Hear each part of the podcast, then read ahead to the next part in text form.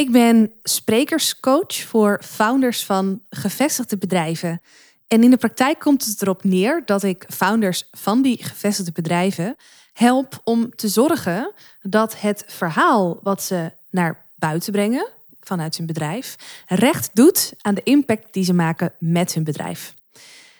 In dat kader spreek ik regelmatig ondernemers die interesse hebben om met mij te gaan werken in een zogenoemde sales call. Om te kijken of daadwerkelijk een match is, of dat ik hun kan bieden wat ze zoeken en of zij ook het type klant zijn wat het beste tot zijn of haar recht komt in mijn traject. Nou, zo sprak ik afgelopen week ook een onderneemster. En dat was een heel boeiend gesprek, omdat in dat gesprek ik heel erg moest denken aan de vraag: wat kwam er eerder, de kip of het ei? In deze podcast wil ik je uitleggen wat ik daarmee bedoel en wat dan ook het antwoord is op deze vraag.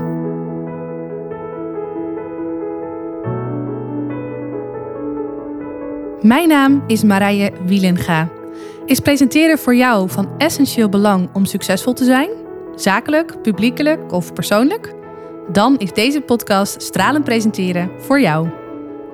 Als Nederlands kampioen in speechen daag ik je uit om boven de saaie zakelijke presentatiestandaard uit te stijgen. En meer dan dat nog, om boven je eigen standaard uit te stijgen.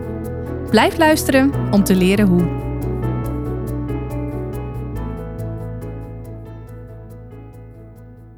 Oké, voordat ik verder ga op de kip- en ei-metafoor en de vraag wat was er eerder, is het goed om eerst even een beeld te schetsen van de verschillende klanten die met mij werken. Als ik het even heel zwart-wit mag noemen, dan zijn het twee type founders. Het zijn de type founders. Het ene type founder is de founder die, um, ja, die founder is van een gevestigd bedrijf. Een bedrijf wat zich heeft bewezen, dat zich dermate heeft bewezen in groei of in ander opzicht, hè, wat het bijzonder maakt, dat de omgeving de ondernemer gaat vragen van joh, uh, ja, hoe doe je dat toch? Kun je daar niet eens wat over komen vertellen? Waardoor de ondernemer opeens niet alleen als ondernemer hè, zichzelf mag bewijzen, heeft hij of zij dat eigenlijk al gedaan, maar juist ook als spreker mag vertellen hoe hij of zij er nou voor heeft gezorgd dat hij of zij het verschil maakt, heeft gemaakt met zijn of haar bedrijf. Dus zie het uh, zo als even in het uh, heel plat gezegd. Je bedrijf is omhoog gevallen. Dat is niet zo omhoog gevallen. Je hebt er heel hard voor gewerkt om dat bedrijf op een bepaald niveau te krijgen. Uh, daar ben je succesvol in geworden. En nu opeens valt het op en wordt eigenlijk van je verlangd. Of voel je de drang of voel je de druk misschien zelfs wel om als spreker ook naar buiten te komen om over je bedrijf en over het succes te vertellen. Terwijl het feit dat je succesvol ondernemer bent helemaal niet wil zeggen dat je daarmee ook gelijk een succesvol spreker bent. Of dat je in ieder geval weet hoe je dat precies doet. Dat verhaal op een goede, waardige manier vertellen, zodat het recht doet aan het succes wat je hebt met je bedrijf. Nou, dit is het ene type founder wat ik help op te zorgen dat hè, die manier van spreken, het verpakken van de boodschap en het uitdragen van de boodschap, het voorbereiden van die boodschap, dat dat uh, recht doet aan de impact die ze maakt met het bedrijf, het succes wat het bedrijf heeft. Maar er is nog een ander type founder wat ik ook help en ook met liefde help, want ook deze founder is super interessant uh, voor een samenwerking met mij.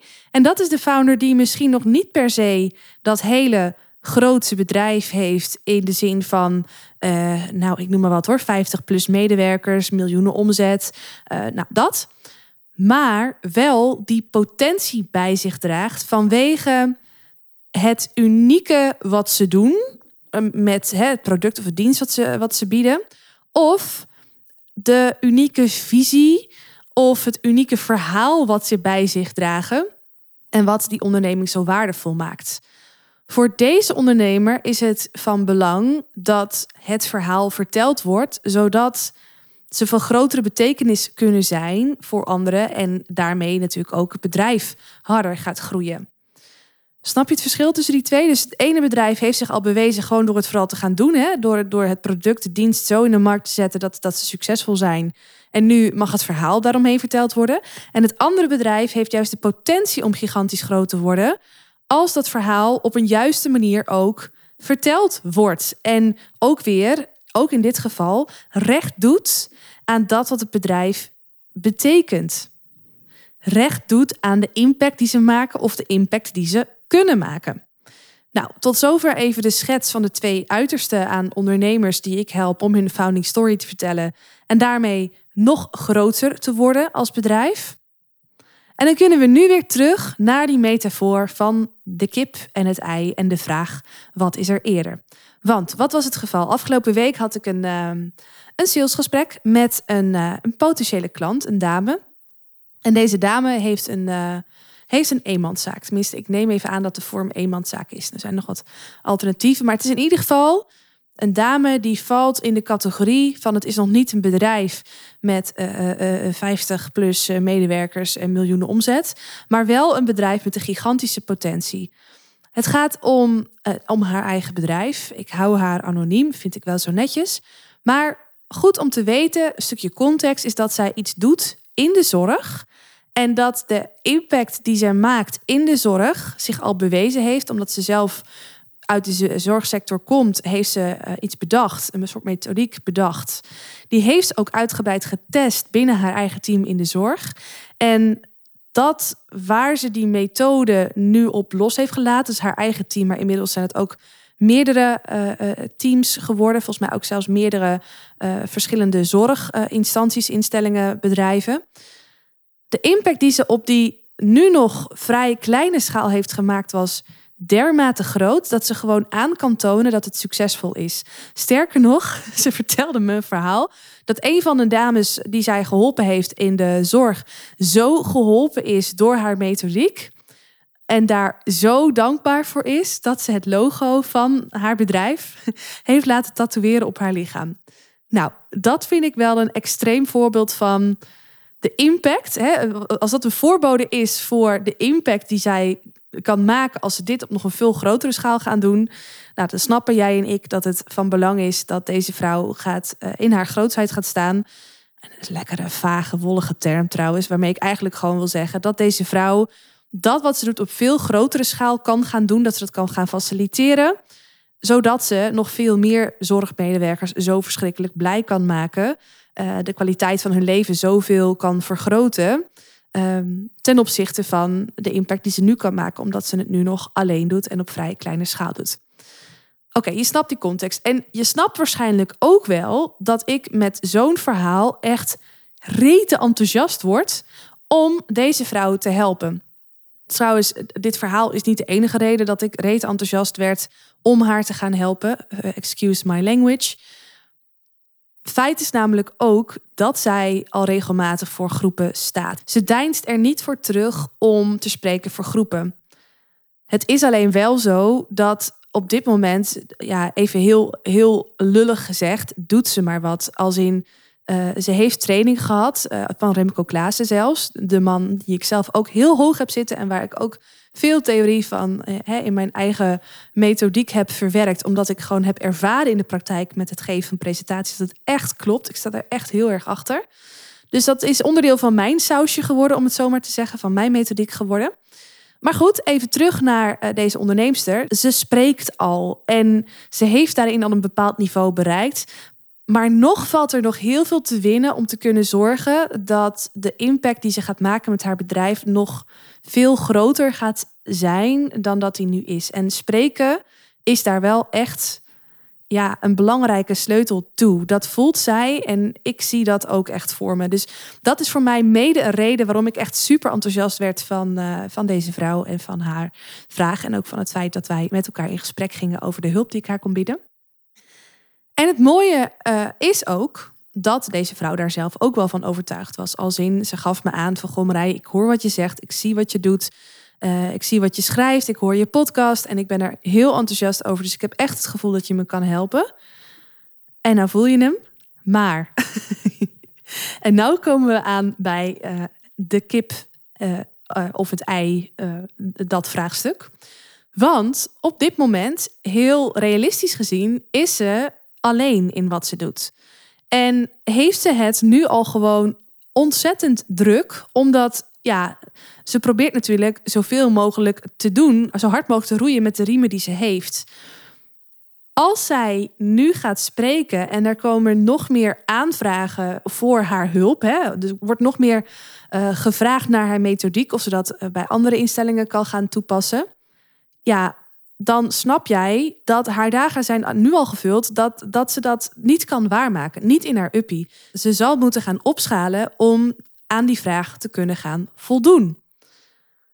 En dat voelt nog spannend voor haar. Want ze is op dit moment, ze, is ook nog helemaal niet zo heel lang ondernemer. Op dit moment, zei ze, is ze er nog niet over uit hoe ze dat wil gaan doen.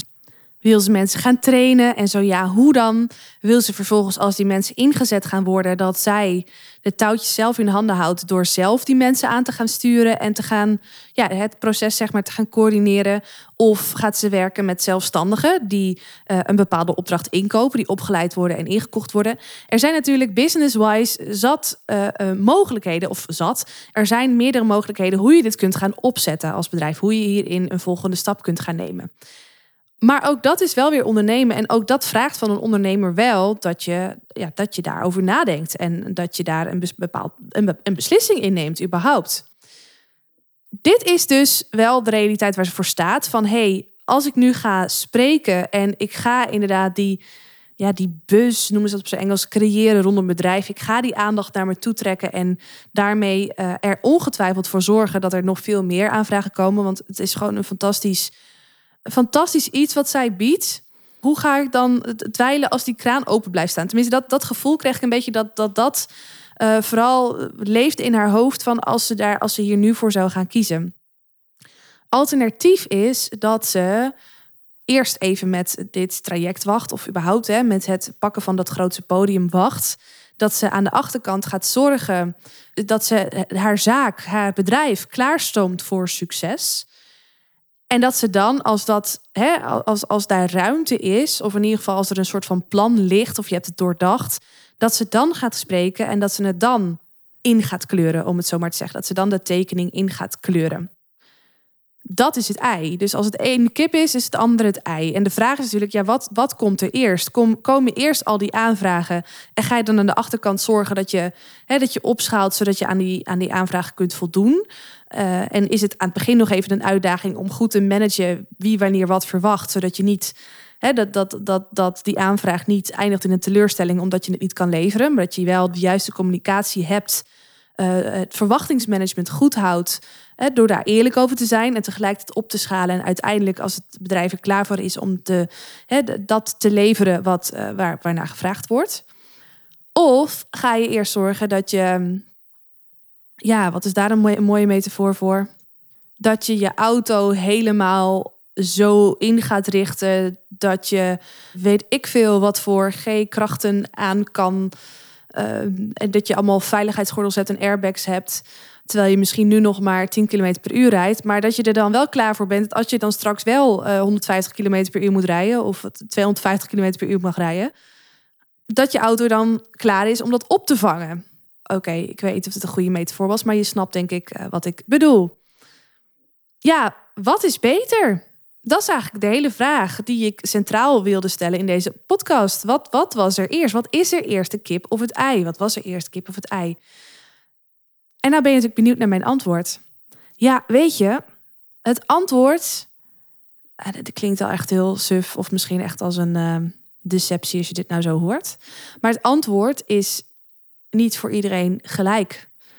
Dat weet ik. Ik weet dat uh, ik zelf ben iemand, als ik kijk naar mijn eigen ondernemersreis, dan heb ik me altijd heel comfortabel gevoeld bij eerst zorgen dat het aan de achterkant nou niet perfect is. Hè? Want perfectionisme, daar word je eigenlijk uiteindelijk ook niet beter van. Want tegen de tijd dat alles helemaal klaar is, dan zul je merken dat, uh, dat je business weer gewijzigd is en dat je de boel weer aan kan passen.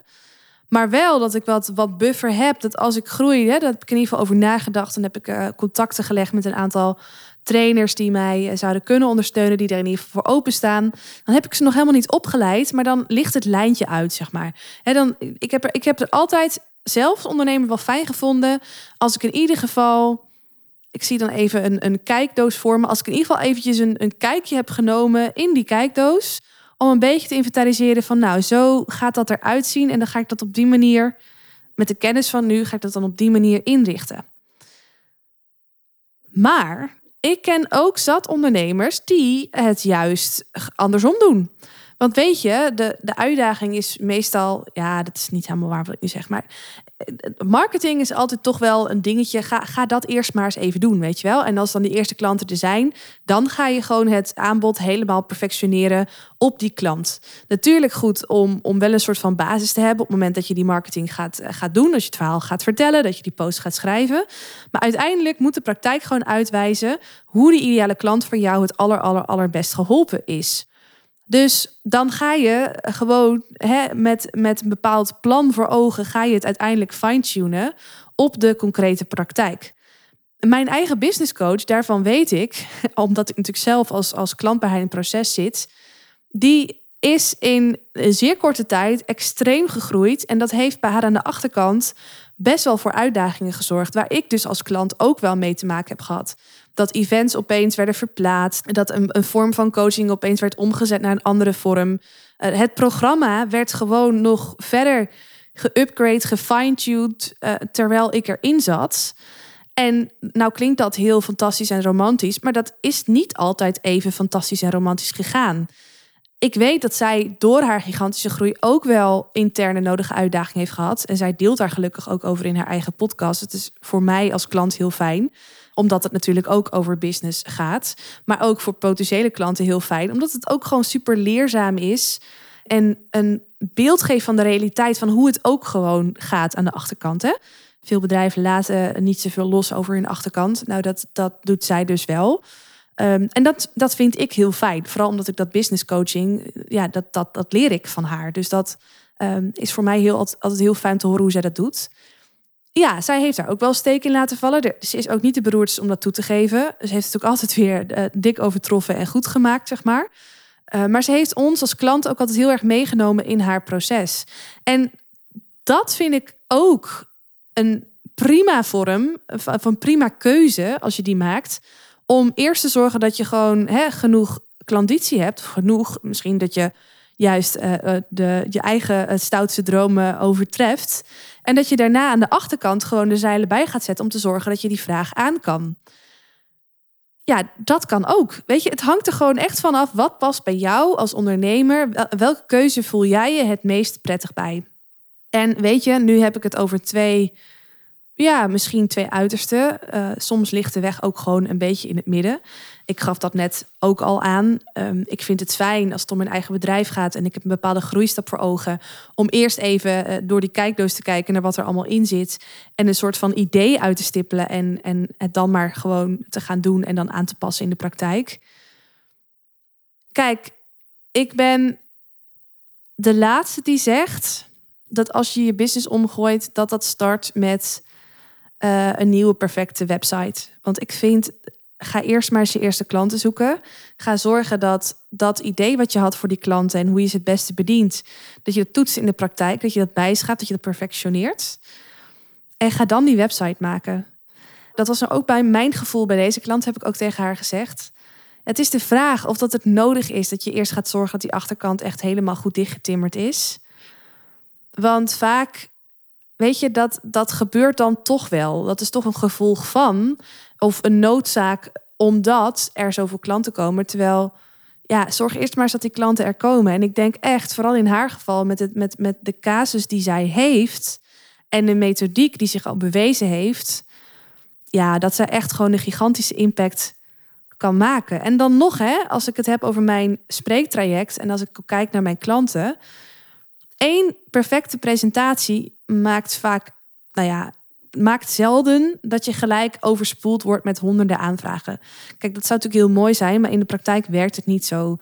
Het is een vaardigheid die je eigen moet maken. Dus daar groei je in.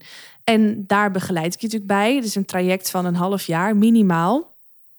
En dat heb je ook echt nodig om echt in die grootheid te stappen, echt die grootste potentie ook te zien uh, voor je bedrijf en die uit te stralen in je boodschap, maar ook in je, in je presence naar buiten toe. Dat is, dat is een ontwikkeling. Daar ben je echt niet in een dag. En dat is misschien teleurstellend voor een aantal mensen, maar het is ook een geruststelling. Je mag daar gewoon in je eigen tempo in groeien.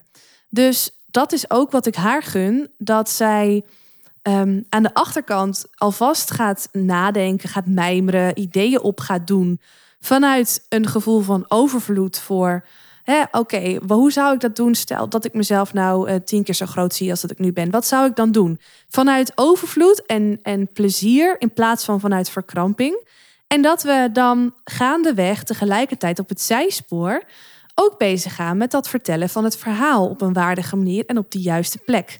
Dat die founding story dermate goed tot zijn recht komt dat die mensen voor wie dit verhaal bedoeld is dat die het mogen horen, zodat ze daarmee ingang creëert om nog meer opdrachtgevers te kunnen uh, bedienen en daarmee nog meer zorgmedewerkers gelukkig te kunnen maken. Want dat is uiteindelijk waar haar hart ligt. Dat bij dat doel, dat doel bereiken, zoveel mogelijk zorgmedewerkers gelukkig, gelukkiger maken, stappen te laten zetten op het gebied van hun geluk en hun welzijn in beweging uh, brengen. Ja, dit is wat ik wilde vertellen. Dit is wat ik nou bedoelde met die kip in het ei. En dat, ja, de conclusie is dus dat, dat er is niet één antwoord wat voor iedereen opgaat. Nee, de, de conclusie is eigenlijk dat je, en dat is ook wat, wat zij nu doet, waar ze nu mee bezig is, dat, dat je als ondernemer zelf mag voelen wat voor jou het beste antwoord is, waar het voor jou begint. En dat is wel eens uitdagend, uh, want het is, het is niet alleen ratio, het is ook gevoel. En tegelijkertijd is je eigen gevoel ook niet altijd de juiste raadgever. Uh, ons ego houdt ervan om ons kleiner te maken dan dat we zijn. Uh, omdat het ons bepaalde dingen aanpraat die ons, hè, die ons niet per se in onze grootheid zetten, maar ons juist willen houden waar we zijn. Want dat is veilig, dat is bekend, dat is, dat is, dat is ja, prettig. Terwijl ja, dat, de, magic ligt uit het, buiten je comfortzone. Hè? Je kent die uitspraak. Um, dat is waar de magic happens. Hoe is het eigenlijk precies? Nou, je snapt wat ik bedoel. De magie ligt vaak net even buiten het randje van je comfortzone. En soms mag je ook gewoon dapper zijn of uh, een gok wagen, een dappere move maken door dat buitenste randje van je comfortzone te overstappen en, en die uitdaging aan te gaan.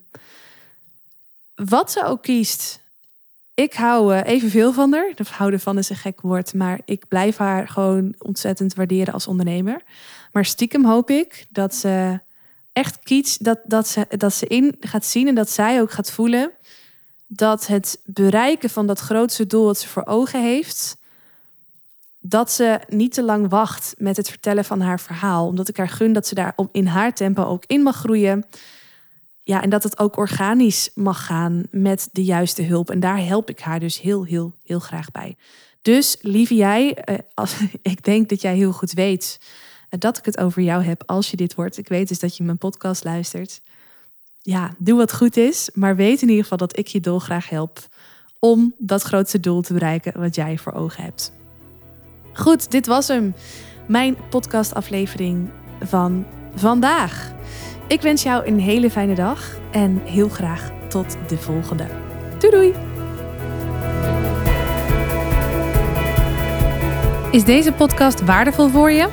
Abonneer je dan op mijn kanaal om geen aflevering te hoeven missen. En als je dan toch bezig bent, geef je hem ook even 5 sterren via Apple Podcasts. Zou ik echt enorm waarderen. Dankjewel. Onthoud, je drinkt niet door met woorden, maar wel met het gevoel dat je de ander geeft. Tot de volgende aflevering. Doeg!